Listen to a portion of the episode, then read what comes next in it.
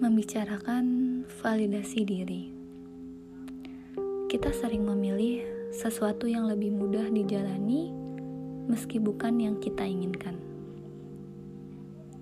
Salah satu hal yang menurutku sulit adalah membohongi diri sendiri.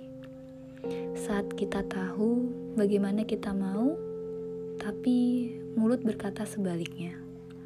Saat hati kecil kita bilang tidak, tapi tindakan kita berbuat sebaliknya. Dan jujur kepada diri sendiri memang bukan hal yang mudah. Bahkan di saat kita sebenarnya tahu apa yang kita inginkan, kita sendirilah yang berusaha untuk membunuh kejujuran itu dengan mulai berpikir tentang untung dan rugi, kata tetangga, dan keinginan untuk diakui. Saat kita sebenarnya tahu bahwa apa yang ada di depan mata bukanlah pilihan yang terbaik, kita masih sibuk mencari validasi untuk membenarkan pilihan kita dan mencari dukungan.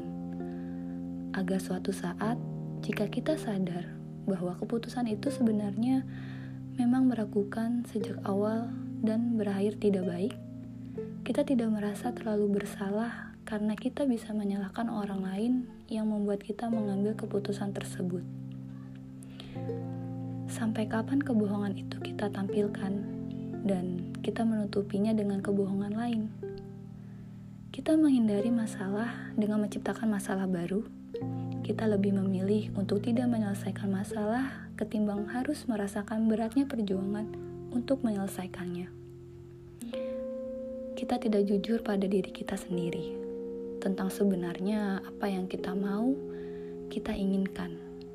Tapi kita memilih tidur terlentang, berangan-angan bahwa semua keadaan akan membaik dengan sendirinya, bahwa keajaiban akan hadir dalam hidup kita.